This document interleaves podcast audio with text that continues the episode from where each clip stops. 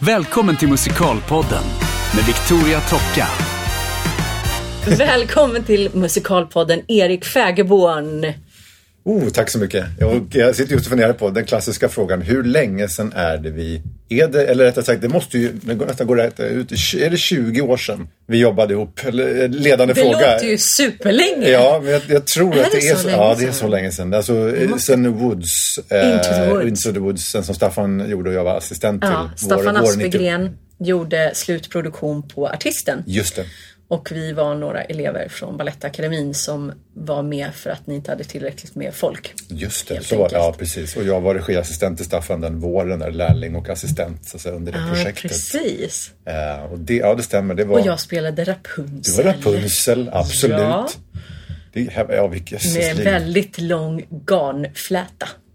Ja, just det. Hur var det? På en gunga På en det gunga, var. det var Mm. gunga, just det. Precis. Det var jättefint. Ja, det var vackert och det var ju liksom i spåren av Duvemåla-eran Precis, så att gu- precis. gungor var all the rage. Ja, Sådär, så. exakt. Gungor var inne. Gungor var väldigt, var inne Och jag var väldigt glad. Ja. För att jag var ju eller väldigt obsessed med Kristina från Duvemåla. Aha, just Så att det. jag gillade ju gung-idén. Jättefin produktion dock. Ja, det var det faktiskt. Den var, den var häftig. Eh, den var liksom, eh, ja, den blev väldigt fullskalig på något sätt. Så Ja, verkligen. Otroligt mycket bra folk som var med. Kristoffer Wolter, Ja, var ju- Cecilia Nerfont, jag menar allihopa de där. Precis, Irene Granhag var Rödluvan och Anna Ryd... Ryding var Askungen. Just det, precis. Just det. Och sen så var det ni, vilka var det mer än du? Det var Micke Jansson. Micke var Jansson med. var vargen. Just det. Var ni klasskamrater? Ja, Evelyn Jons Just var det. med. Var Evelyn. styvsyster. Just det. Så det var mycket bra folk. Jätte, jättekul Det är verkligen folk som är liksom vänner och kollegor vid det här laget. Ja, verkligen. Ut i. Men Into the Woods, var det en utav dina... Du sa att du var någon typ av lärling och så då? Nej, egent, Nej. Egentligen så är det, jag lär, alltså i, i praktiken i projektet var jag ju regiassistent. Det Ja. var ju liksom min, min roll så att säga. Men Ja. i, i, i någon mån så var det i, i utkanten av min liksom assistent slash lärling-era. Okej. Ehm, för jag fick kontakt med eh, Malvius, Georg Malvius, Mm. någonstans där 90, början av 94 tror jag det var. Och ehm, helt enkelt bara hörde av mig till honom i egenskap att jag ville, ville söka mig mot musikteaterregi. Och det har, ja, liksom, finns ju ingen tydlig sån utbildning i Sverige. Nej. Men för, inte för att avbryta, Mm. men vad hade du gjort innan dess? liksom för att komma fram till att det är musikalteater och musikalteaterregi och så jag vill hålla på med. Ja men precis. Ja, nej, det, det kom, alltså, jag, eh, så som alla naturligtvis har Ja. ungefär den här bakgrunden med liksom, att ha hållit på med skrivande och liksom, sånglektioner i tio år och pianolektioner i elva år och skrev och skapade som ung och, och liksom höll på med amatörteater. Så he- hela det grundpaketet som alla känner igen sig i. Ja. Och eh, gick ju, om man nu tar hela historien, där får du klippa i detta, det långdragna, men gick naturvetenskaplig linje på gymnasiet så att jag hade liksom initialt ingen tanke på att Nej. det skulle bli ett yrkesval. Ehm, och dessutom var det innan estetlinjerna fanns. Precis. Ehm, så att då fick man välja till sin kör och teater och allt vad det var. Men liksom det grodde ett frö där under de åren och jag, jag höll på otroligt mycket med det och jag kände att det fanns en passion där. Och det klassiska efter gymnasiet, jag ska pröva något annat ett tag innan jag i så fall blir det där riktiga yrket, den där läkaren eller adv- advokaten eller vad nu föräldrarna i, Ja, höll tummarna för att man egentligen skulle bli, så att säga. Ingenjör kanske.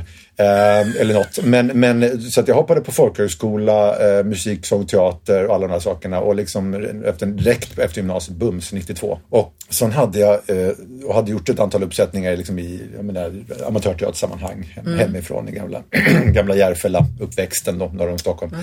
Ehm, och sen hade jag sån tur, för jag insåg att det här med regi och skapa och skriva och liksom vara, vara ledande från salongen var ju något som passade mig väldigt bra. Liksom. Jag trivdes, Även om jag har någon, någon sorts liten scenapa längst in också. Sådär, som jag, men jag kände att, att skapa utifrån var, var en, en drivkraft. Hur kan man förkovra sig? Hur kan man utbilda sig?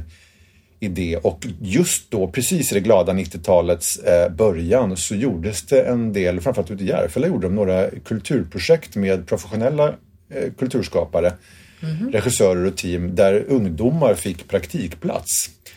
Ehm, och då hamnade jag rakt in i det redan 92, 93 och jobbade med en regissör som heter Gino Samil i ett projekt. Okej. Och lärde också känna en numera väldigt, eh, sedan många, många år nära vän, Eva-Lisa Nelstedt som är eh, då eh, numera sedan länge pensionerad kostymtecknare som har gjort allt med, alltså Dramaten Okej. och film och allt. Men det var, Wow. det var ganska potent folk som var med i de här projekten och ledde dem. Ja. Ehm, och, jag, och det var väl också hela skalan lite grann av, av oss ungdomar då som var 19 och ett halvt som var med där initialt.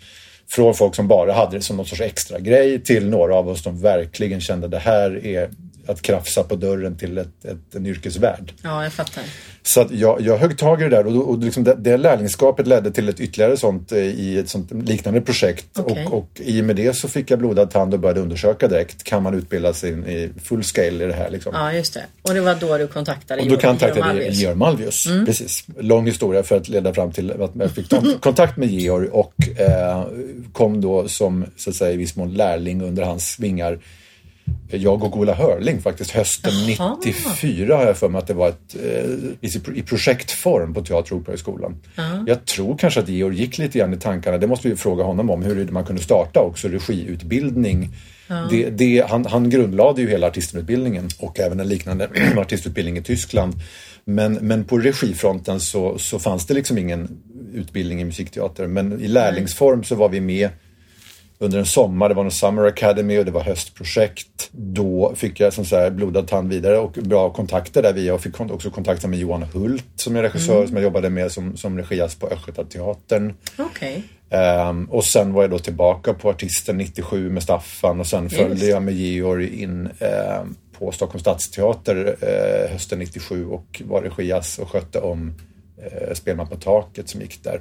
Och, så, och var kvar ganska länge i huset och gjorde just den föreställningen, skapade, liksom höll, höll den vid liv när Georg hade dragit vidare till Europa och jobbade med annat. Ja, Sådär. jag förstår. Så att, men man kan säga att under de åren, 90, 94, 97 in ish där någonstans, det, där, där var jag konstant i, i jobb. Förutom att jag också började göra egna projekt och skriva och annat sånt där. Så, så, och by the way, översätta, det är ju en egen litet spår som jag halkade in på där. Ja, precis. Eh, Men, men det, var, det var liksom mina, mina läroår som, Ja. som mest. Och sen efter 97 kan man säga så har jag inte assat längre. Utan jobbat själv. Då, liksom. Jag gick någon operaregiseminarium, jag försökte plocka ihop bits and pieces. Liksom. Ja, eftersom det inte finns Nej, det, någonting det, egentligen. det så- gör ju inte det. Eh, Nej. Och det där är jättemärkligt. Det borde man ju, alltså operahögskolorna, eller operahögskolan har ju så att säga haft regiutbildningar av och till. Eh, Ja. Och numera då Stockholms dramatiska högskola heter det då, DI förut, hade ju film och teater så att säga. Och jag vet att jag var och nosade på redan, alltså redan då, 93 någonstans där. Mm, Eh, Och pratade med någon, vem det nu var där, om, om mina drömmar kring musik och teater. Att jag ville kombinera det i så fall i Mm. regiform. Och då var det till och med så att någon av huvudlärarna där på dåvarande DI hette det va, som sa jag vet inte ens om jag skulle rekommendera dig Erik att söka oss med tanke på att du har en sån, sån eh, liksom, gedigen känsla att du vill ha musiken och teatern i kombination.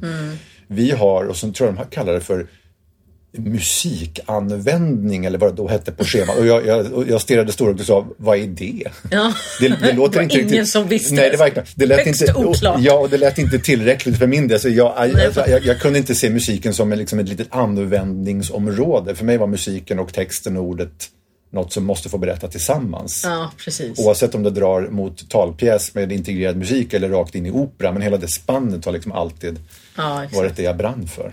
Ja. Ehm, Så då fick man plocka ihop sig själv i utbildningsform. Liksom, Ja. på vänster. Men samtidigt så är väl det ett otroligt bra sätt att ta sig fram. För att du, som regissör så måste du ju vara oerhört driftig och kreativ. Ja, men Så det. att någonstans är det också lite så här att jag kan tycka att på musikalartistutbildningarna till exempel så skulle man också kanske lära ut lite mer alltså självproducerande, lite mer Ja, entreprenörskap, ja, li, du vet sådana saker också. För att jag personligen har ju alltid haft en sån del i mig att göra saker själv och vara driven och, och sådär. Eh, Men jag upplever som att många kommer ut från skolan och så är det så här Hjälp mig, hur får jag jobb, vad ska jag göra? Ja. Och så, du vet, så står de där och kanske är superduktiga på en massa saker men de får inga jobb eller för att verkligheten är ju att det finns ju inte alls lika mycket eh, betalda jobb som det finns kompetenta musikalartister. Nej, precis så är det ju. Det, det, där, det, det fortsätter ju vara, den, den obalansen finns ju liksom helt inbyggd i systemet och kommer att vara där. Så att det är ju egentligen Ja, det är ju som du säger, menar, en, även om det finns en väldig massa grundträning och allt det där man behöver slipa under sina år som, som blivande artist så jag håller helt med dig att det, det är liksom det, det, det är lite grann elefanten i rummet ibland. Så där. Vågar man Mm, precis. tala om det på utbildningarna? Att, ja, sen det här att få jobb, det är ju egentligen hur omöjligt som helst. Om man, om man, om man faceade det Ja. tydligare och direkt med, med som säger, kanske med en aktionsplan för hur, hur kan man gå runt det och vad kan man göra själv. Ja, Så kanske precis. folk skulle känna mera, mera så att säga, Ja men också känna sig mer förberedda Ja, för precis. livet. För de allra, allra flesta som går ut blir ju frilansare. Exakt. Och eh, jag menar det är extremt sällsynt att en musikalartist får en fast tjänst. Jag tror Mm. jag känner typ två i Sverige och det är Christer och Cecilia Nerfont. Precis. Eh, vi, vi har och- några på Stockholms stadsteater nu Ah, okej. också. Jag menar, Fredrik Lycka har jobbat där. Ja, och, som också då, så att säga, lite grann slussar in sig själva medvetet mot tal, Teater. talteatern. Så att Precis. Och men att- det är att ju ändå väldigt, Men det är väldigt få. Det är De allra, allra Ja, flesta nån. är ju frilansare. Absolut, Och absolut. jobbar med allt från liksom show till musikal till Mm. eh, reklamfilm. Till, alltså gör ju otroligt mycket olika grejer. Precis. Eh, och där kan jag känna att det kanske inte vore helt dumt att ha någon typ utav grundläggande så här, hur du startar och driver ett eget företag eller hur du Mm. profilerar dig som artist. Det finns ju så oerhört mycket nytt hela tiden i och med liksom Facebook och so- alltså sociala medier överhuvudtaget. Alltså hur du kan, kan jobba och där tycker jag generellt att eh, musikalartister är ganska dåliga på det. Och det är ju både tror jag bygger det på att man inte kan och inte orkar kanske. Men också har jag märkt i en del av samtalen jag har haft att folk är rädda för att inte bli tagna på allvar som artister. Att det är lite så här jantefult att vilja ta Mm. plats och så här, men jag har min egen hemsida eller jag har min YouTube-kanal eller jag har Precis, så att folk ja. drar sig för att lägga ut saker ja, men på sociala medier och så om sina jobbgrejer. Det har jag kommit över för Mm. länge sedan eftersom jag har jobbat i USA. Ja, nej, men, eh, ja, exakt. Där det, man liksom, eh, det, det är ganska givet. How else? Liksom. Ja, men lite så. Och sen så är det naturligtvis så att jämfört med många amerikaner så har jag fortfarande liksom den här svenska, jag tänker i mig lite så att jag är ju inte lika vild utan jag försöker tänka efter när jag lägger ut grejer så, här, så att liksom, folk inte ska bli irriterade tänkte jag säga. Men eh, jag känner att jag har lärt mig väldigt mycket senaste, framförallt 5-6 åren när det gäller liksom eh, hur du kan profilera dig på sociala medier och, och lite sådär. Och det för mig i alla fall handlar inte så mycket om att bli kändis. Utan mer att vara tydlig med vad jag gör och vad jag är bra Ja, på så att precis. folk lätt kan hitta det. För jag har ett superbra exempel på det. Eh, jag håller ju på nu eh, och producerar Just grejer. det. Och får ibland då meddelanden från folk som så här, söker du folk eller ehm, du vet sådär, Mm. eh, jag skulle vara intresserad. Och så en av de första grejerna jag gör då, om det är någon jag inte har koll på, det är ju att googla och kolla. Liksom, Ja, ja, men visst. och de allra flesta, det finns inte ett videoklipp att få tag på. Det finns ingenting där du kan lyssna eller se vad detta är för människa. Nej, precis. Och i och med att vi jobbar i en bransch som handlar om ett sceniskt uttryck Ja, och att du ska exakt. sjunga eller spela teater eller vad du nu ska göra. Så ett CV för mig säger egentligen inte så jättemycket. Nej.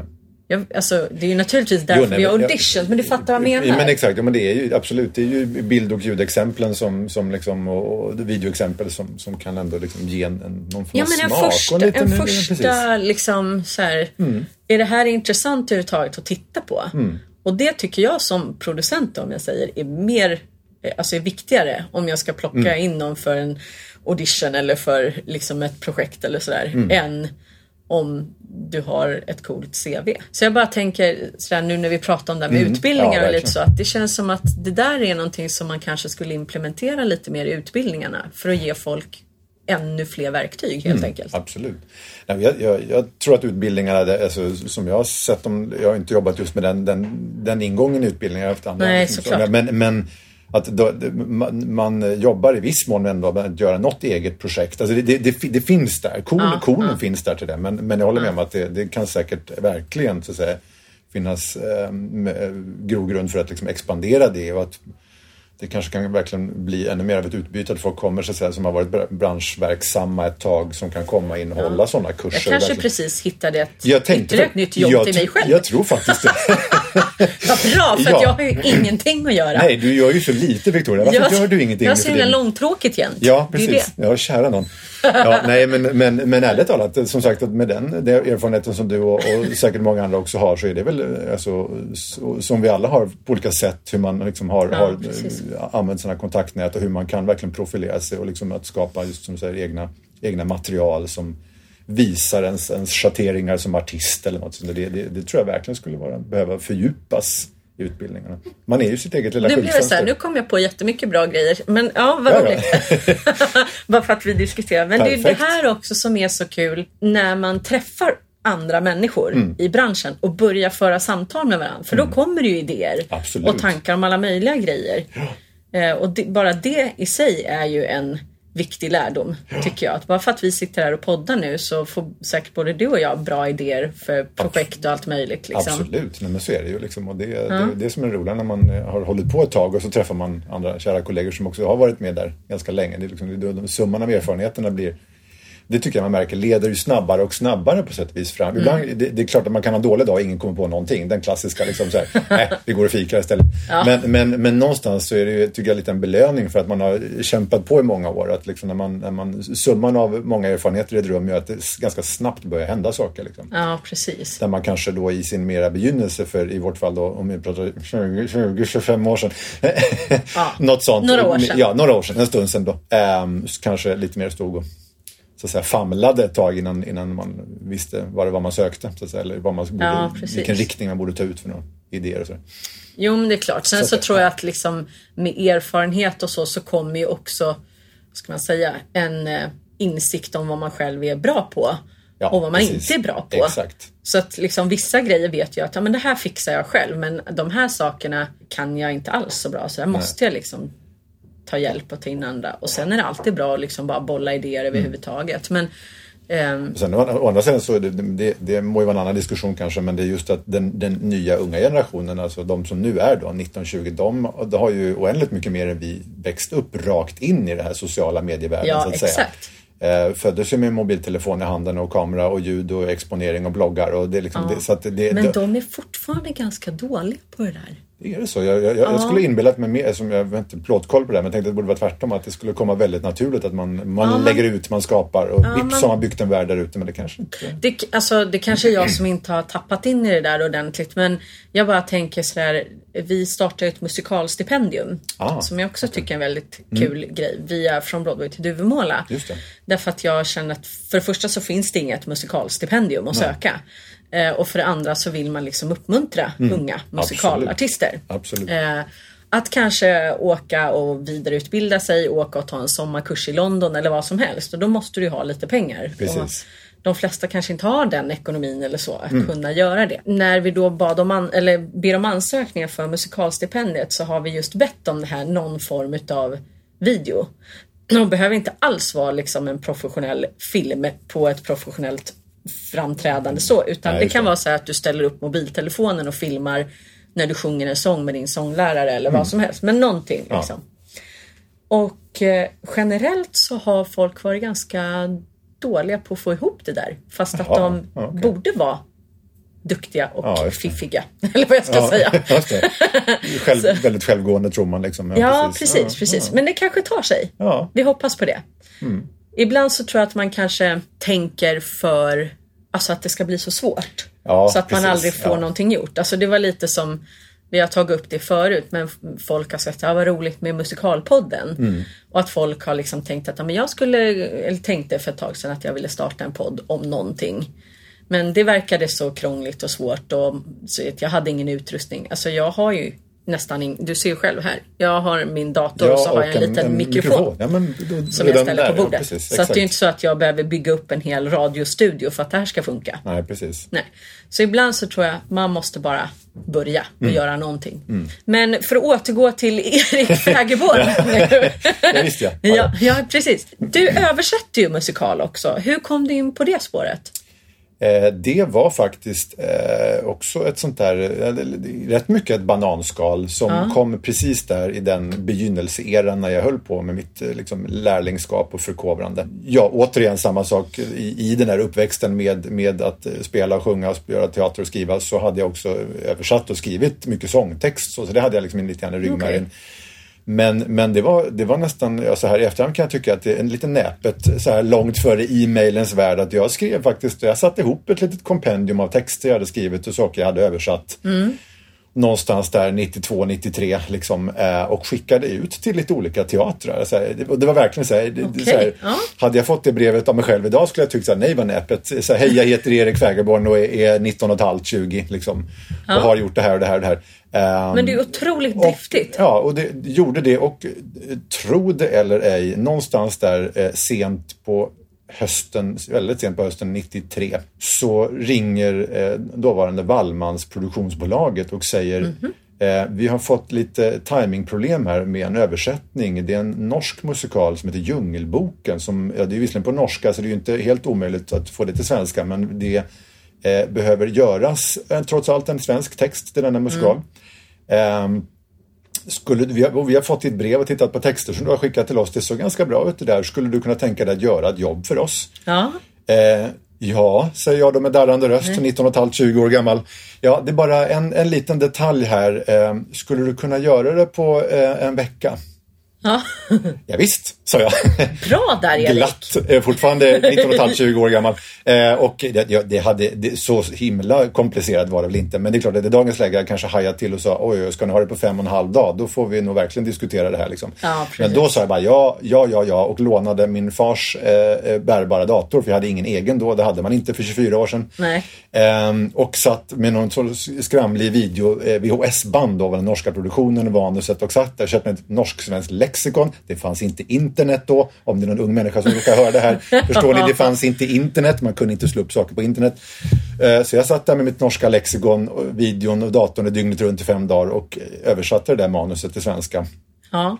Och levererade lite darrande eh, utprintat i god tid då för måndag när de skulle ha det för läsning. Och de blev väldigt nöjda och jag var med rätt mycket under produktionsperioden där och lärde känna och det var ju he hela gamla, eller ja nu får man inte säga gamla då, men hela det dåvarande så att säga gänget som ju var på Kina och Folkan på den tiden. Ja. Alltså Peter var med och, alltså, i Djungelboken. Peter Jöback. Ja. ja. precis, absolut. Hela gänget där. Han är så stor nu så vi bara Peter. Ja, precis. Alla det. Peter, det, det kan, kan vara någon Nej, men det, Peter Jöback var med, eh, Sara Lind var med, eh, ja, Dröse Norberg var med. Mm. Och, och de här gänget från Folkan och alla möjliga, eh, Anke Albertsson det var liksom Ja. all, alla möjliga fantastiska vänner och kollegor som, som, som var med i denna djungelbok, Kim Sulocki och ja, det var kul. Så jag, ja. jag, jag, hängde, jag hängde så mycket jag kunde där förstås för jag kände liksom att shit vad kul att få plötsligt eh, hamna rakt in i branschen på det där bananskalsviset då, så att Ja. säga.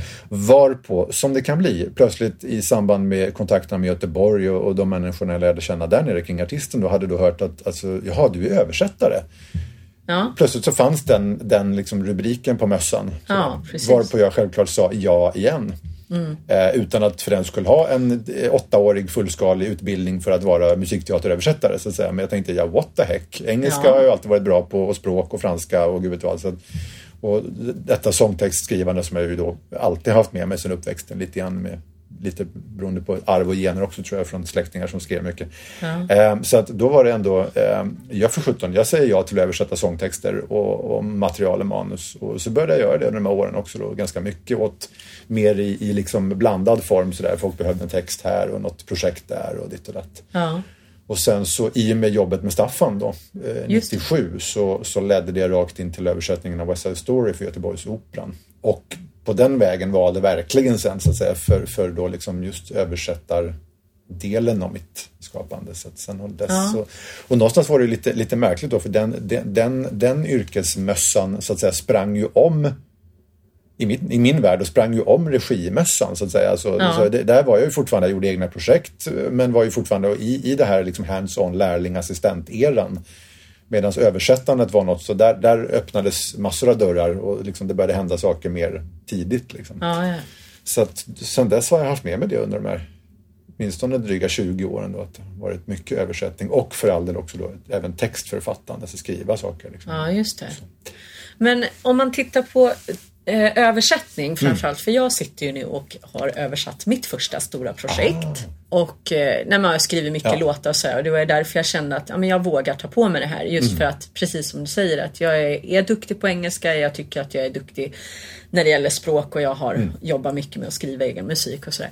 Men vad, vad tycker du är viktigast när du sitter, och då tänker jag framförallt på att översätta sånger? Eh, ja, hur tar man sig an det, på att säga. Det är, nej men, ja, dels det givna att först naturligtvis bara eh, lyssna, läsa, lyssna, läsa och sätta mig in i liksom, vad, vad, får jag för intryck av att det här är för vad, vad, vad är det för material? Det låter mm. uppenbart men man måste ju genast skaffa sig en uppfattning om vad, är det för språk, jag ska, vilken språklig värld ska jag in i? Alltså, är, är det mm. modernt, är det gammalt, är det stilistiskt, är det slang, är det liksom och det, det, där öppnar sig ju, eller för all del ibland stänger sig en hel del dörrar beroende på vilka manöverutrymmen kommer jag ha. Vad är det för vad är, vad är det för liksom palett som jag kan börja ta till? Vad är det för, mm. vad, ur, ur vilken källa kan man bli inspirerad? Kan, om jag råkar läsa en bok eller material, vad, vad, vad är det för språklig värld så att mm. säga? Eh, ofta i vår moderna musikal musikteater så är det ju ett ganska jag menar inte på ett dåligt sätt, men ett ganska generellt vanligt eh, liksom konversativt språk. Ja, så att oftast så är det ju inte jättemärkligt, men det, det, det, kan ju vara mer stiliserat och ibland kan det vara sådär extremt vardagligt och vanligt eller någonting beroende på vad det är för typ av material. Ja. Eh, och det avgör ju liksom först och främst i vilken värld man ska tänka och sen förstås musiken. Ja. Ehm, jag har ju också extrem vänner som jag har haft väldigt mycket musik med mig i min uppväxt av att hålla mig till musiken. Jag har väldigt svårt för när det, när det så säga, sätts dit extra toner eller mm. missas-betoningar och liksom, så, ja. så det, sånt där. Jag, jag, förstår inte det liksom. Jag, men det står ju i musiken att hur svårt kan det vara? Ja, Läs! Precis. Eh, sen är det ju det som är det svåra, lik förbaskat, att lyckas pricka musiken och, och liksom, säger man, en språkmelodi på svenska är ju inte samma sak som en språkmelodi på engelska, så man Nej, måste precis. gå runt med massa sådana saker. Um, och sen är det ju bara att börja knega, alltså bit för bit um, och börja samla på, på ord och rim. Om det, om det är väldigt komplex text så kan man ju nästan ha som en liten anteckningsbrunn av liksom, det här kan vara bra Ja, bra, bra, att ha med mig just i den här ja, sången. Men för att du har ju översatt en del Sondheim. Absolut. Och det måste ju vara det vidrigast svåraste du kan ge dig på att översätta. Just för att hans texter är så extremt komplexa också. De ja. har så mycket olika betydelser. Precis. Och ibland så finns det liksom ord och, och eh, så som kan betyda flera olika saker på engelska. Ja, precis. och, ja, men du vet, så här, det är ju jag har enorm respekt för er som översätter Sondheim alltså. Ja, det, det, det, det, är ju liksom eh, kompromiss som konstform naturligtvis. Mm, men, men, men det, ja alltså i, i någon mån, men det är klart att det beror också på vilka Sondheim-material det är, men i någon mån så han, hans otroliga finurlighet och sätt att vara eh, liksom språkvirtuos som han är, även i det mm. vardagliga ja, det, det, det, gör att man, man får slita sitt hår om man vill få till internrim och allitterationer och finesser och dubbelbetydelser och försöka rädda vad som räddas kan. Så det, nog, nog är det en kamp och nog sliter man sitt hår. I och för sig ett kärt besvär för mig som älskar Sondheim-materialen. Ja, Men det är ändå så att eftersom de är så substans, substantiella de texterna så ger det också ganska mycket manöverutrymme. Man, man, det ger mm. också mig, när jag översätter, möjlighet att dra iväg eller tänka eller vad. Det, det, det, så jag, jag, säger inte att det är lätt, det är ju bland det svåraste som finns. Ja. Uh, och ibland känner man sig otroligt otillräcklig. Men det finns liksom en, en um, i, i till synes mycket enklare texter, vardagliga ting eller man tänker något otroligt sådär, bara något telefonsamtal i Miss Saigon-text eller den där klassiska ja. liksom John, are you there buddy, listen to me. Alltså, sån där. Ja. Sånt kan, det, det, kan se bedrägligt lätt ut men ibland är sådana material nästan ännu svårare därför att där har man noll manöverutrymme. Ja och där kan du ju inte bli poetisk Nej, heller. Nej, är det minsta säga. poetisk eller försöker Nej. dra iväg en annan cool grej för att lösa ett rimproblem, då all, allting som blir det minsta avsteg från bara Hej, hur mår du? Låt oss prata vill ha socker i kaffet. Alltså om, om ja, texten precis. är så, om man skriver det minsta annorlunda, ja. så kommer folk omedelbart reagera på, men gud så konstigt det där låter. Ja, eh, så skulle man aldrig säga. Så skulle man aldrig säga. Nej. Inte ett dugg. Då är det helt kört vad man än väljer någonstans. Ja, känner man sig så. Eh, och då, i den typen av textvärldar riskerar man, och tycker jag, alltså då hamnar man ofta i den här fällan att man håller på att försöka rimma mig och dig och okej okay i, i varannan låt. Och det, liksom, då, därför att, därför att det, det, det, liksom, det eliminerar så otroligt ofantligt många möjligheter till rim och, och alla saker. Liksom. Mm. Men tänker du någonting på hur sångbart det ska vara för sångarna också? Ja, absolut. Jag försöker ju liksom att, att ändå på något sätt gnola och sjunga igenom det och sen Sen är det ju alltid lite svårt att veta. Vissa älskar ju att ha ett A på höga toner, vilket man tror att alla ska gilla, vilket inte alla alls gör. Alla eh, kan komma önskemål om helt andra vokaler och andra typer Ja, av det. Så att det där får man ju, jag försöker ju alltid vara med i processerna sen och, och liksom eh, inte bara lämna skrivbordsprodukter och säga här, ta det, gör vad ni vill, utan jag är med längs resan och ändrar Mm. och lyssnar på vad artisterna behöver. Liksom. Nej, för att det tycker jag, eftersom jag kommer själv då naturligtvis väldigt mycket från sångarhållet. Så för mig blir det ju väldigt viktigt att det ska vara sångbart. Sång- att det ska vara liksom skönt att sjunga det, om jag Precis. säger. Och jag håller på med, med det här materialet som jag översätter just nu ganska länge och gjorde liksom en första draft och sen så ju mer jag har sjungit på materialet själv så liksom vissa grejer ändrar sig av sig själv på vägen. Ja, eller vad jag ska jag säga. ja. Därför att när du börjar sjunga det mycket så är det som att det ibland alltså bara dyker upp lämpligare Ja, utan att du tänker på det. Mm. Eller att ja, men här vill jag nog på något sätt rimma för att komma ihåg vad det är jag ska sjunga. Nej men du vet, Ja, lite så här. Precis. Så att saker är liksom, det är intressant det där när, hur översättningar funkar. För du kan ju vara jätte, jättenöjd med vissa grejer på pappret och du har suttit liksom och jobbat med det länge. Men sen när du väl liksom börjar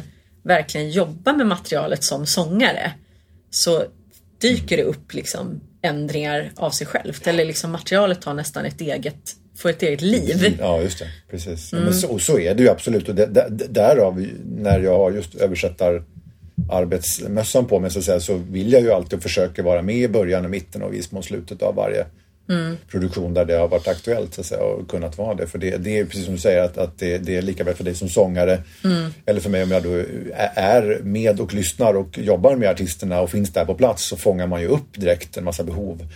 Och kan man inte ändra det här eller här? Och, och all, allt från, allt från vo- vokal, rena vokala önskemål eller bara liksom, Mm.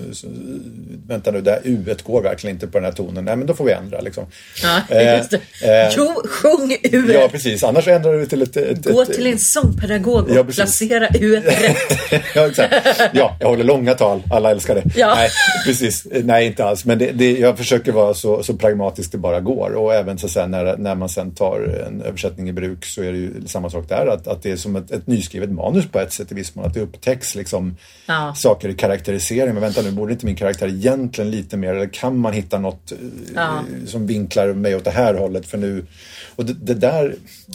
Återigen, sen är det klart att som översättare så ska man ju naturligtvis vara där också och försvara originalupphovsmannens intentioner. Om det är skrivet på ett visst sätt så vill man ju om möjligt försöka hålla den fanan högt så att säga. Men, men vi, vi har ju det, det är ju ett spännande konstnärligt lager som vi har i den översättande delen av världen som den anglosaxiska världen inte har.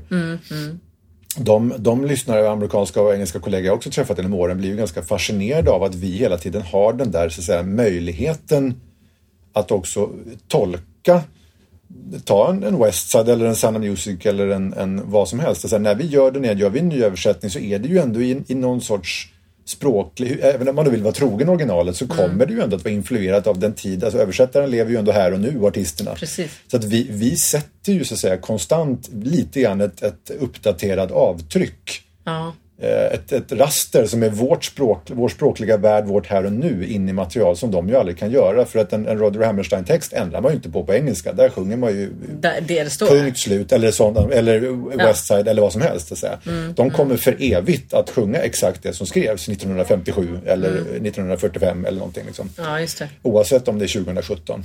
Eh, och där, det, det, rätt hanterat så är det ju ett oerhört spännande konstnärligt eh, extra raster som, som vi har att Ja, tillgå. verkligen. Men sen läste jag någonting väldigt spännande när jag googlade dig på morgonen idag. Oj. Men du har träffat Steven Sondheim. ja, jag har faktiskt det. Och det Det är ju helt galet. Nu måste du berätta, hur blev det så? Eh, ja, en trägen vinner var väl, var väl, den, var väl den, den principen där. Nej, jag, jag, som jag sagt i andra sammanhang när folk har frågat om, men det var, det var en, lång, en lång process. Jag fick hans postadress för länge sedan av amerikanska kollegor och skrev brev till Sondheim och han och det, har, det vet andra kollegor också som har varit väldigt sådär glada över att om man väl har skrivit till honom så har han skrivit små brev tillbaka så han är duktig och svarar. Och, men då var det mer, eller jag, jag hade ju någon sorts känsla, åh vad jag skulle vilja träffa den personen och bara utbyta lite tankar. Och, och Ja. måtte han vara trevlig så att det inte blir det tråkigaste man varit med om. För då, då har man ju en hjälte som kanske faller ur Ja, faller från piedestalen sådär. Men, men, eh, men, då, då, men det var ju verkligen utlämnat åt chans och slump. Och jag skrev ett brev, eller hej Mr Sondheim, nu ska jag till New York. Skulle ni och sådär. Och i brevväxlingarnas värld så gick det lite långsamt och det kom något brev tillbaka och I'm sorry I didn't read your eh, eh, letter until now, I'm, I will be in Connecticut. Alltså, Tusan också, jag missade. Alltså, det är liksom, jag kände så här, det här kommer ju aldrig gå att få till. Men jag, jag försökte under många år. Och sen hade jag turen att få hans e-postadress av honom själv. I något där. Och då kunde man ju höja tempot så här, lite snabba puckar och bara skicka en rad. Ja, ja. Liksom, och, återigen, där var det faktiskt, vi var på gång att vi skulle inte ha setts då 2009 eller vad ett möte som han, han ställde in det mötet men han ringde till mig då så jag pratade först med honom i telefon en lång stund. Okej. Jag satt, jag satt i en skramlig taxi på väg från så LaGuardia Airport till New York Ja. till New York City och det ringer någon assistent där och Mr Fagerborn säger ja, ja, that- that's me. Skrammel, skrammel. Uh, yeah, putting through a call from Mr Sondheim. Va, va, va, va, Vad händer nu? Och plötsligt så, så har jag Sondheim i luren och han måste då tyvärr ställa in ett möte vi skulle haft efter ett par dagar för han skulle ha andra saker för sig. Men jag, eh, han tog sig tid att ringa mig då och prata sådär. Ja. Så det var det, det var det första, det var liksom the first encounter. Men det var inte, när, det var inte närkontakt tredje graden. Nej, den så här- kommer, den Den kommer. Men då fick jag ett samtal med honom och kände så här, fantastiskt. Jag har pratat Ja. på Sondheim, gud vad kul. Men det var ändå så där, men man åker till New York ibland. Kan man inte få träffa honom bara? Han är ju Ja. ändå till åren kommen. Ja, precis. Och så bara föll det sig så att jag skickade ett mejl när jag skulle dit en av alla gånger då hösten eh, 13 var det, 2013. Okej. Och plötsligt fick jag bara ett svar, jag skulle ha en vecka i New York och han så här klassiskt, väl, will you be there next uh, Tuesday, si och så, så. Om det skulle passa, plan on coming to my house Mr Fagerborn. Varpå jag är med darrande, liksom, man, man tror inte vad man läser. Så jag bara så, så kastade mig på mejlen tillbaka och skrev förstås att absolut. Det går jag, alldeles Jag har utmärkt. aldrig haft en bättre planering i mitt liv för detta. Ehm, och tänkte nog att Allt annat bara abort, Ja, abort. abort mission, ja, precis. Abort everything else. Nej, det var fantastiskt. Så då, då bjöd han hem en, en timmes prat. Vi satt där och liksom... Har han fint hus? Han har ett fint hus där i Turtle Bay nära FN-skrapan. Liksom, Ja. i, Midtown. Eh, East 49th Street är det där. Ja, nu ska vi inte ge ut hela hans nej, nej, hemadress. men det är, men... Precis, det är nog många som kanske vet. Men det är i alla fall i de krokarna där. Okej. Så att då, nej men det, jag fick en audiens hos Sondheim och eh, han var verkligen i hemmamod i mysbyxor och mjuk tröja och det var helt informellt och han har ju två stora kungspudlar, jag vet inte om de fortfarande lever. Nej, men, okej. men Addison och Willie döpta efter huvudkaraktärerna i Bounce, musikalen Bounce. eh, och varpå jag hade två stora pudlar över mig och en glad hushållerska som tog min lilla rock och liksom frågade vill någonting att dricka Mr Fagerborn. Så satt vi där och pratade som två glada musikaler liksom, i en timme och han liksom var fascinerad. Då hade vi gjort Sommarnattens leende på, på Malmö Opera på våren där. Okej. Som jag hade översatt och jobbat mycket med. Så att då var han nyfiken på hur det hade gått med den. Och sen hade han ju förstått att jag och många av oss har drivit det här musikal, alltså, eh, alltså musikalkompaniet i Stockholm och gjorde Woods på Södra 98 och gjort eh, Sondheim-konserter på, på Folkoperan och Oscars och, Ja. och, och vurmat för hans föreställningar till, eh, på längden och tvären. Så han var väl mest fascinerad. Vad, vad, är det här för en, en mär- märklig svensk och det här anhanget som verkar... Ja. Den, den- här sekten i Sverige som verkar vilja... eh, Sondheim-sekten, helt enkelt. prata med mig och spela mina grejer liksom. Ja. Så vi hade en fantastiskt trevlig timme bara liksom pratade bransch och he- helt avslappnat vilket var jätte, är fantastiskt jättekul. Ja. Men det här återkopplar ju också till eh, hur eh, jag i alla fall upplever eh, New York och den här Broadway community som mycket mer så här bjussig och öppen. ja, de är verkligen... Ja. Att det är liksom, ja men för man kan vara så här, äh, kungen Sondheim bjuder hem mig, men han är med, alltså kan jag tänka mig, nu har inte Ja, jag träffat ju Sondheim, men att det är så här, ja men vad kul, du jobbar i samma bransch och Ja. jobbar med mitt material och eh, liksom vi kan utbyta tankar Ja. på ett annat sätt än eh, Och det, det, så kanske det, jag vet inte, jag menar jag har aldrig blivit hembjuden till Björn och Benny men, nej men förstår vad jag menar. Att det liksom, jag tror att vi skulle kunna bli bättre generellt här i Mm. Sverige på att liksom, ja men som vi var inne på i början äh, också, där att öppna upp samtalen, börja prata med varandra, träffas mer. Ja. Nej, men och det, och det, det, det för mig var verkligen, eh, det var, det var verkligen en av de stora behållningarna. Det var nog någon inre förhoppning att, liksom att det inte bara skulle bli så det största allmänhet, ett, ett galet fan möter sin stora eh, idol, utan att Jag hoppades bara, och det, liksom, jag kände efteråt att det här var ju verkligen en, som jag sa, en otroligt mycket äldre, fantastiskt vis, briljant kollega. Ja. Som ändå bemötte mig som en kollega i branschen. Och det är liksom Precis. precis, bara det, det samtalet, det kreativa, alltså den, den sporren man kan få och ge varandra i, i att inse att ingen människa är en ö, utan det är liksom, om, om vi samverkar i det här. Och som du säger, i, i det amerikanska finns ju redan det där bjussiga inbyggt. Och, och liksom i, i, deras bransch så är man ju också otroligt trevlig. Alltså ja, visst det finns en professionell trevlighet. Jag tycker ändå inte att den är ihålig. De, de är, de är liksom på, på, man når inte kanske så långt in i det första men, men den är ändå genuin. Man, man tar in alla för att vem vet imorgon vem man är beroende av och vem man ska jobba med och vem som kan ge vem jobb och vem som ger vem inspiration. Jag, jag, och liksom, jag, jag tycker att det finns mycket här också men, men det är lite mer protektionistiskt sådär, äh, här i vår del i världen ibland lite mer, man kan känna av lite mer sådär, vad gör du? Säg inte. Alltså det finns, det finns li, lite den känslan sådär istället för att bara, men självklart ska man inte avslöja saker man har lovat att inte säga. att Men Nej, nej, men det är ju en annan men, sak. Men, men det allmänna att liksom, det, gör du någonting jättestort och spännande Gud vad kul! Då är det jättebra för branschen. Det måste ju, Mm. även om inte jag är med i det du gör just nu, så är det bra för mig också. Det är klart. Det är Ja, men i allt- slutändan allt- så är det ju det. Så är vi, vi jobbar ju för det vi tycker så mycket om, det vill säga musik och teater. Och dess, dess liksom liv och berättelse. Ja, och ju bättre produktioner och ju fler bra produktioner och så vidare som kommer ut desto bättre blir det för alla. Absolut. Nej men och sen är det så här, ibland så är det fruktansvärt svårt att kanske omsätta allt det man själv tycker, eller vad jag ska säga, i praktiken. Jag har ett exempel gällande musikalen här som jag ska göra nästa år. Folk som har hört av sig naturligtvis sen de såg att det där är på gång och liksom när blir det auditions, vilka roller finns att söka och bla bla bla bla. bla. Och så känner man att väldigt mycket är ju redan bestämt. Eh, av olika anledningar. Dels därför att vi är några som producerar tillsammans och alla har liksom sin givna roll liksom i projektet. Och samtidigt så sitter jag liksom så här och bara, men fan Victoria, du får inte liksom göra sådär som du blir så arg när alla andra gör. Alltså förstår du vad jag menar? Ja, att det, så här, det är klart att det, jag fattar ju också att hör man någonting om ett jättekul projekt och bara fasen där skulle jag vilja vara med i. Och så hör man av sig så bara, allt är redan klart och det har inte ens liksom Nej men du vet. Så att det är svårt för att jag, jag, jag sitter ju på dubbla stolar där. Att som producent så förstår jag ju, vet jag ju exakt varför jag gör som jag gör i vissa lägen. Och det är ju liksom dels av praktiska skäl som jag sa för att man kanske samproducerar med olika människor. Det är också för att vissa människor vet man redan att han eller hon är jättebra men också en otroligt bra kollega, lätt att jobba med, rolig att ha att göra med. Det vet man redan. Men samtidigt så är jag också så här, fan vi måste ju liksom bjuda in lite. folk. Alltså förstår du? Ja, För att- men, ja visst. Ja, så att det är en svår, en svår balansgång det där många gånger. Och om man tittar liksom, jag menar även om jag är en väldigt liten producent i sammanhanget, men tittar man på de stora producenterna i Sverige och sådär.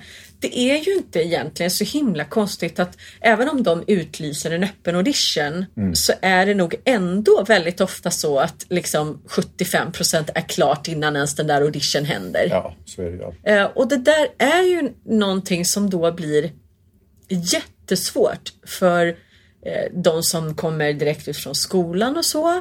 Eh, och tänker jag då rent egoistiskt för mig som inte har varit hemma i Sverige.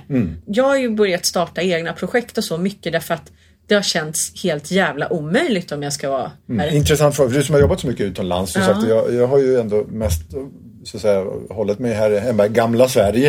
år. Sverige. Gamla, men jag, jag, jag tittar ju på våra svenska så, att säga, lite sådär, så sakteliga framväxande Mm. eh, agentsystem. Och nu finns det ju några lite större då, aktörer på den marknaden som har massa skådespelare och artister. Men det, det är ju inte, vi har ju absolut, jämfört med, med återigen den, den anglosaxiska världen och Mm. eh, London och USA och allt det där, så har vi ju absolut inget agentsystem jämfört med deras. Så att säga. Mm. Men upp, har du som varit mycket i, i, i de andra länderna upplevt, för jag är nyfiken på det här, att, att Mm.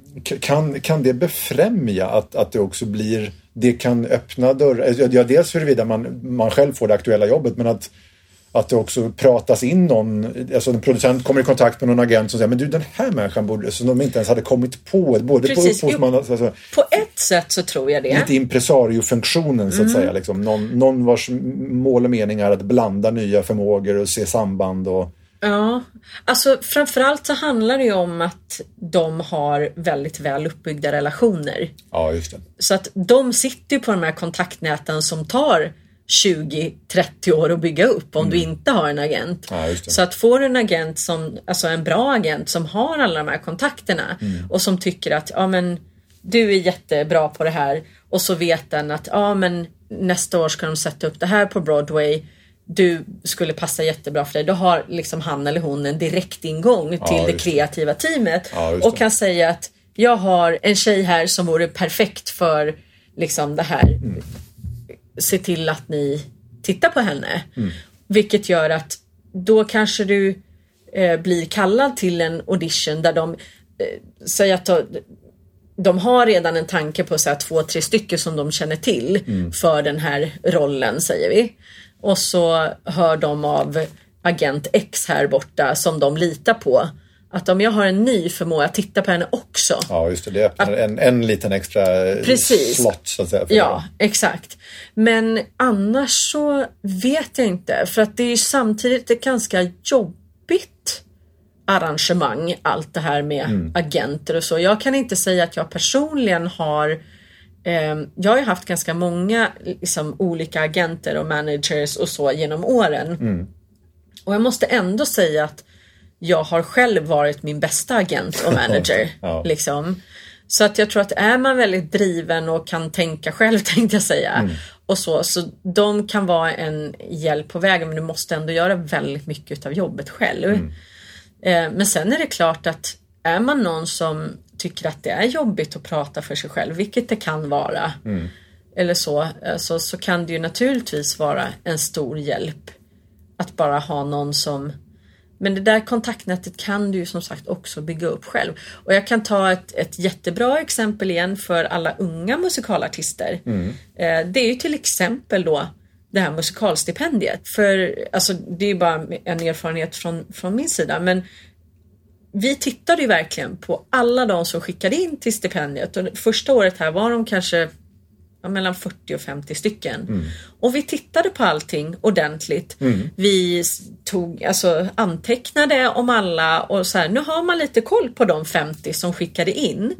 Vi gjorde också så faktiskt att vi skickade ut personliga svar till alla. Åh, vad fint. Det är verkligen mycket värt. Ja, men där vi också skrev liksom några eh, mer eller mindre naturligtvis, liksom, men några kommentarer på ansökan och så här, Mm. Ja. tänk så här nästa gång eller jättebra. du fick det inte nu och det berodde på det här. Ja. Alltså bara att man liksom får någon typ av feedback och jag har sparat varenda ansökan. Mm. Så att jag vet ju liksom, alltså ska jag göra någonting längre fram och så, här, så har jag faktiskt en liten bank med folk som, som jag har lite koll på utav de här unga nya liksom. Så att man ska liksom inte underskatta sådana här eh, som man kan tycka då kanske små saker eller åh jag Nej. orkar inte, liksom jag har ingen film på mig själv eller jag har liksom, för just den här grejen så alla de som faktiskt tog sig tiden att skicka någonting till oss Finns, ju har- med, ja, finns och- kvar hos er. Precis, och de har blivit sedda, de Ja, har blivit precis. hörda och vi har Exakt. koll. Men eh, vad tycker du är roligast då? Regissera eller översätta? Eller är det kombon av alla grejer du gör som är liksom det roliga? Det,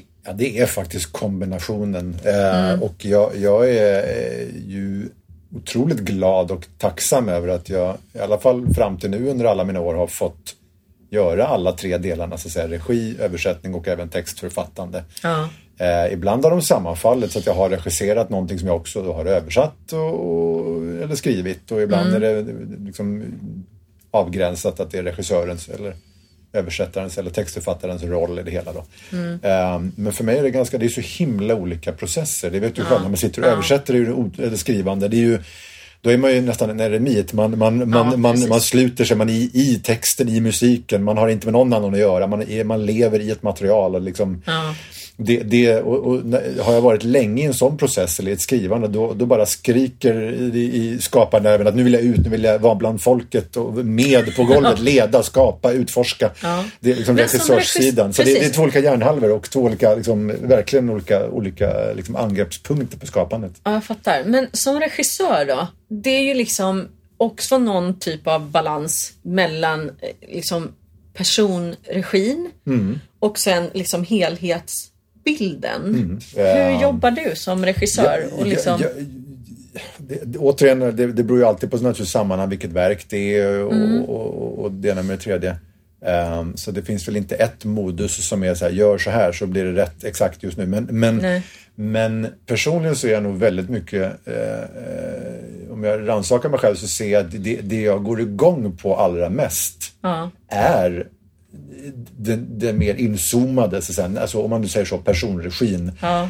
Eh, oavsett om det är eh, ett garvat eh, sedan hundra år tillbaka superproffs eller en mer nykläckt eller elev i vardande.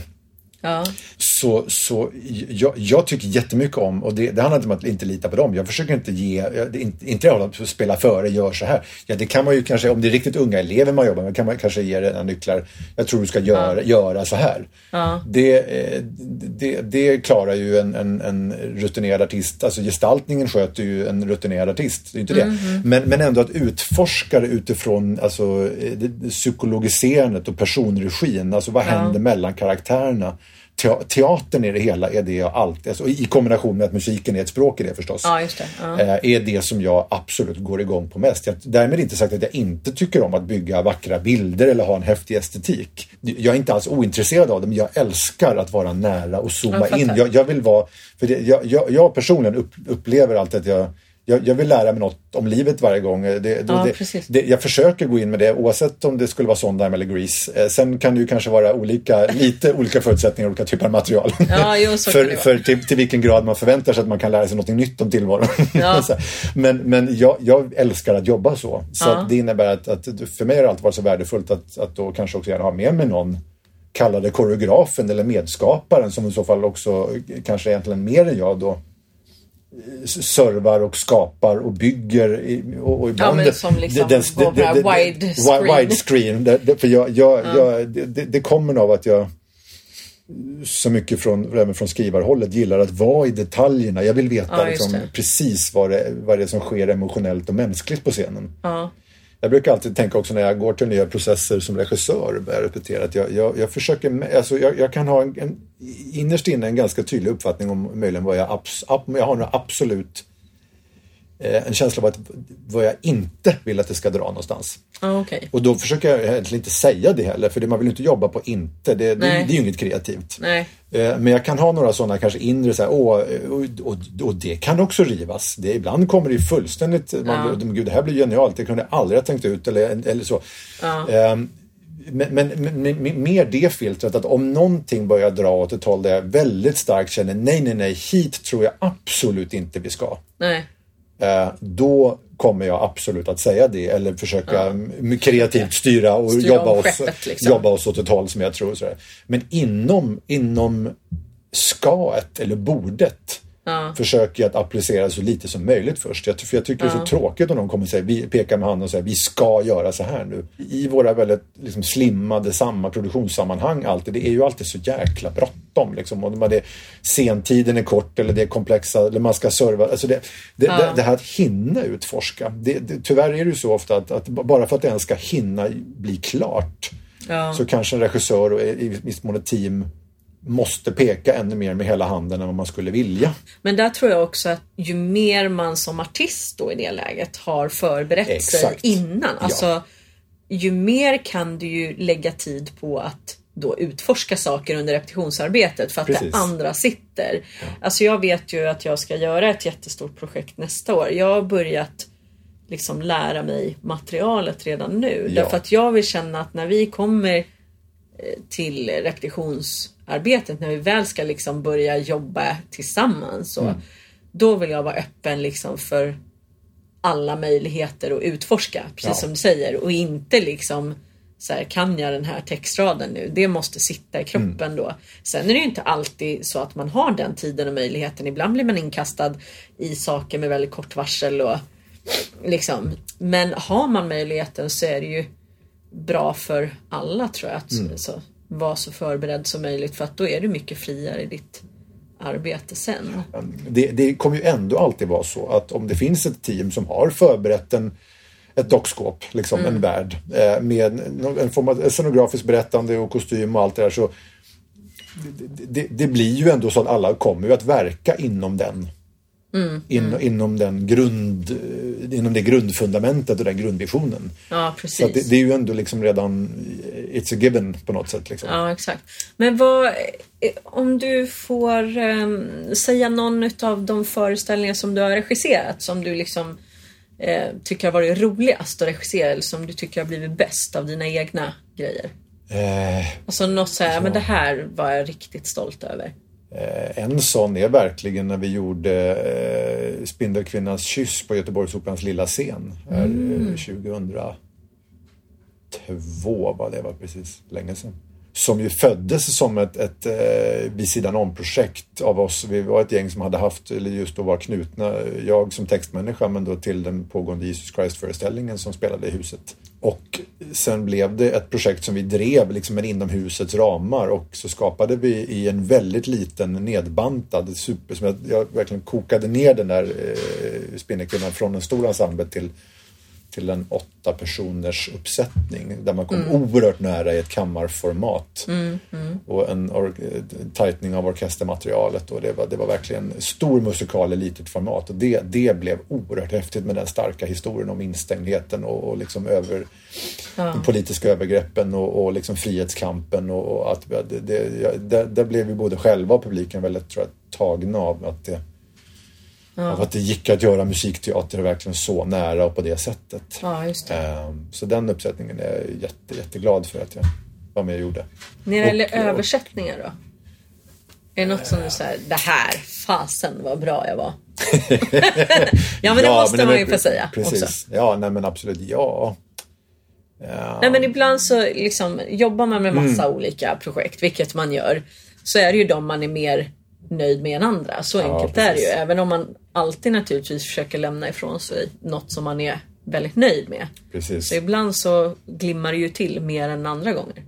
Jag är väldigt nöjd med min, min gamla översättning av eh, Assassins som jag gjorde för länge sedan. Ah, Och även eh, tycker jag att jag, och nu är det, låter det som att det bara är sådana om. Det blir det ju när jag säger även Ja. att även Sommarnattens leende tycker jag blev väldigt Ja. bra Ja. till Malmö Opera här för några år sedan. ja, och nu har du jobbat med If Then på Precis. Malmöoperan har jag förstått. Ja. Och sen har jag också nu då skrivit manus och sångtext till en ny musikal som jag Ah. gjort tillsammans med eh, Jan-Erik Säf som skrev musiken. Mm. Eh, som heter Jag blir nog aldrig bjuden dit igen. Som handlar om eh, Okej. Egentligen oerhört nära eh, liksom, kärleks och familjehistorien mellan Karl Gerhard och hans Göte. Eh, mer alltså livet bakom eh, revyytan. Ja. Eh, som då har premiär också Malmö Opera här nu i, i slutet av februari och ska spela i deras region.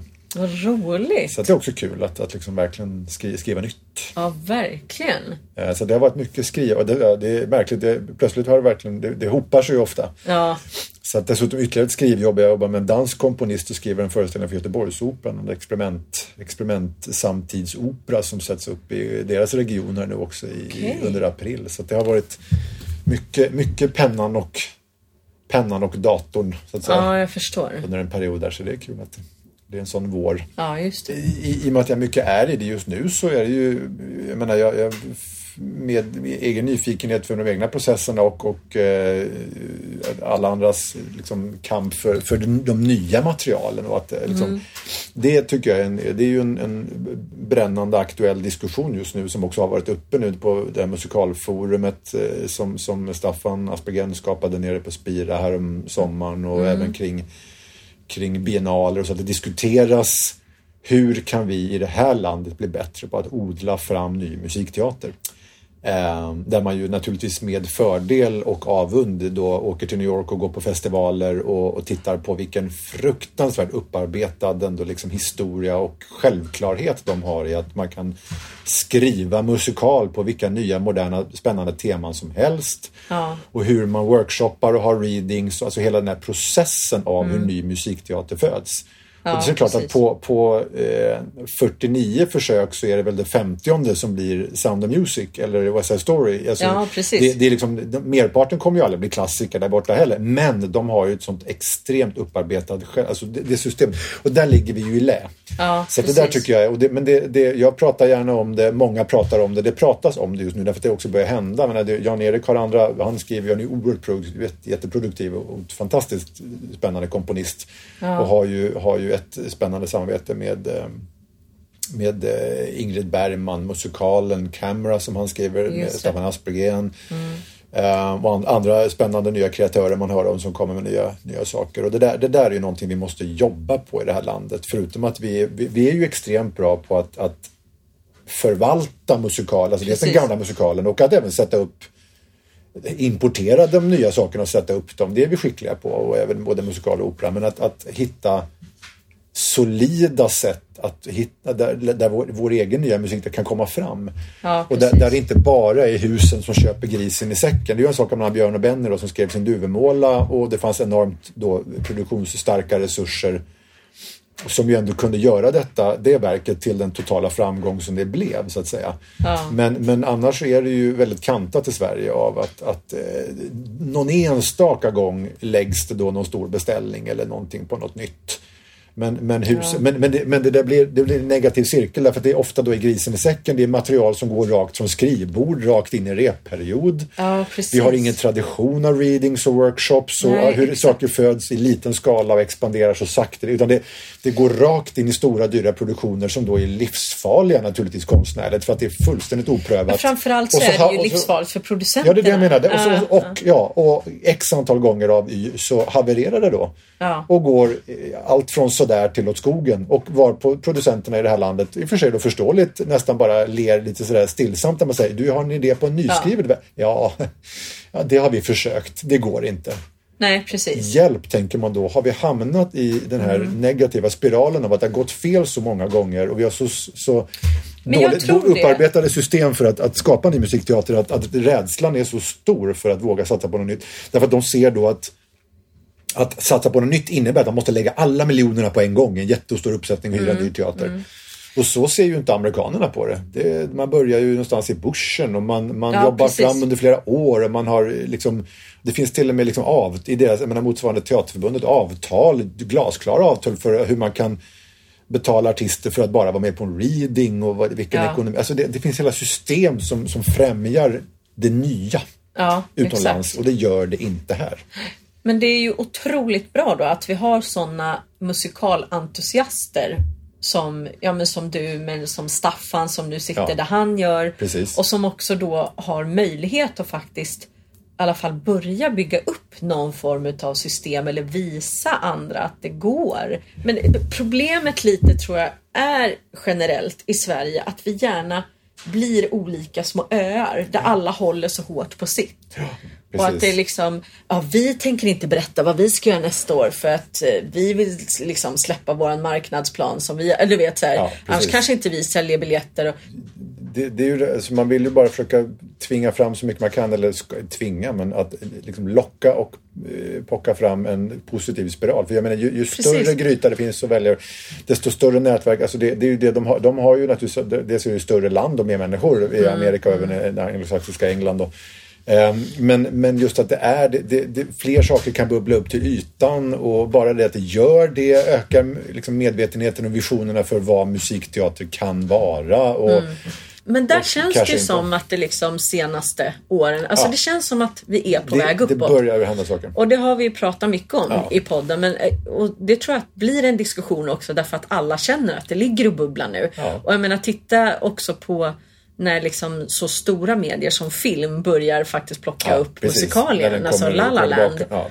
Och det har ju också varit på gång ett tag i USA tycker jag i och med att eh, Fox har gjort de här live-musikalerna Ja, i precis. TV och, och så att man liksom har börjat lyfta musikal som liksom till någonting eh, lite coolt igen. Exakt. Alltså det började ju någonstans kanske med Glee till exempel Ja, men har liksom sen så att det är ju på väg åt ett håll som börjar bli väldigt intressant Mm. eh, för oss som vurmar för just musikal som konstform. Men även där är ju, det är ju också, jag menar, i, i ringarna på vattnet av det vi pratar om, att, att eh, liksom, kan vi kämpa för att bredda och att, att liksom, Och att musikteater, musikal inte heller måste vara de där 40 miljonerna varje gång utan att det kan men finnas precis. alla former. Ja, de riktigt stora drakarna och stora producenterna och största uppsättningarna. Men att det också ska kunna vara liksom fem personer och två musiker och en, en källarteater. Alltså att det, Mm. kan också ske stor, stor musikteater i det lilla formatet. Mm. Och där kanske biljetterna inte alls måste kosta 650 kronor. Och då kanske, alltså, om, om, om, det, om, det, om den mångfalden och det, både det nyskrivna och små in, in, intima uppsättningar av, av moderna... Alltså, kan, ju mer vi kan bredda det från det största till det minsta, alltså publiken, om vi kan, kan få med en publik på att musikteater kan vara i alla de här schatteringarna, hela, in, inom hela den schatteringen, så kommer det ju vinnas otroligt mycket på det också. Att det liksom inte alltid måste vara det här totala vara eller inte vara och de, de absolut största liksom, Nej men precis. Men enorma ekonomiska riskerna. Liksom. Där, där ligger det ju också på media och Mm. lyfta fram fler musikalartister. Det Absolut. ligger på de etablerade musikalartisterna att våga göra mindre projekt. Mm. Alltså, det finns så mycket liksom där man liksom skulle behöva börja blanda upp det lite grann. För ett stort problem i Sverige idag, det är ju att tittar man på nu till exempel Peter Jöbacks där I Love Musicals Mm. projektet. Det är jättekul och jättebra att det går bra.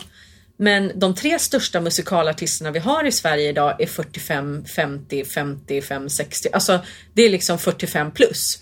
Vi har ingen ny musikalstjärna i Sverige som om jag säger Peter Jöback var redan när han var 2025. Nej. Alltså vi skulle ju behöva liksom få fram några nya så här, Mm. som lämnas plats. Liksom. Och det är jättekul att de har liksom börjat lyfta jag men, eh, Emmy och, och Anton till exempel. Mm. Ja. Men de är ju fastan över 30 bägge två också. Ja. Inget ont om dem, det är jätte, jättekul.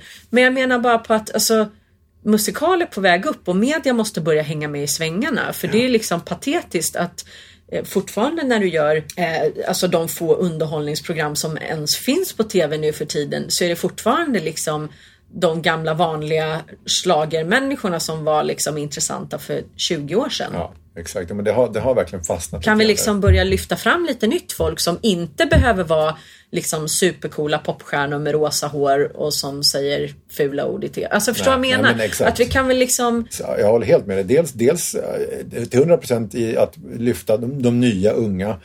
Och att eh, sen också, i, vilket man ju också kan avundas ibland, de eh, utlanderna där som har hela den här kadern av liksom, alltså gamla fina skådespelare som också sjunger. Liksom. Oh ja! Ehm, och där man ju har mycket mindre barriärer mellan att jag är bara skådespelare, jag är bara så, utan det är liksom singer, actor, dancer eller whatever. Men alltså, Ja, precis. ta gamla Judi Dench liksom, som, Ja. som ju var fantastisk. Jag såg henne, eller många som har sett henne i olika saker, men liksom, jag menar, hon gjorde Sommarnattens leende och gjorde Ja. och hon är ju ingen stor sångerska, men det är ju så många av de där gamla, men som är helt, helt makalösa aktörer och aktriser som ju också har en vacker röst och kan uttrycka sig fantastiskt i, i, i skulle, skulle, vad är det som säger att de inte är fantastiska musikteaterskådespelare? Liksom. Precis. Så att jag menar någonstans det här att dra gränser mellan allting och, och det blir väldigt tråkigt för Och att det är ganska svenskt. alltså bra är bra är bra. Exakt. Ja, och det är nog ganska svenskt. Ja, det tror jag också. Ja. Va, vad är du? Jaså, Ja, du håller på med det? ja, och vad är mitt och vad är ditt? Ja, och precis. liksom lite det här. Luckra upp de här gränserna lite grann och börja samarbeta. Mm. Det tycker jag och Erik Fägerborn, eller hur? Det bestämmer vi helt Ja, enkelt. i, nu, nu kan vi till och med ha liksom ljudbevis för Nu har att- vi ljudbevis på Ja, att vi har vi- tagit det, det- exekutiva ja, beslutet. Du, vad roligt det har varit. leva upp till det också. Det ska vi verkligen göra. Superkul att ha dig här i Musikalpodden Erik. Tack för att du kom idag. Jättekul att vara här, verkligen. Fantastiskt. Musikalpodden med Victoria Tocka.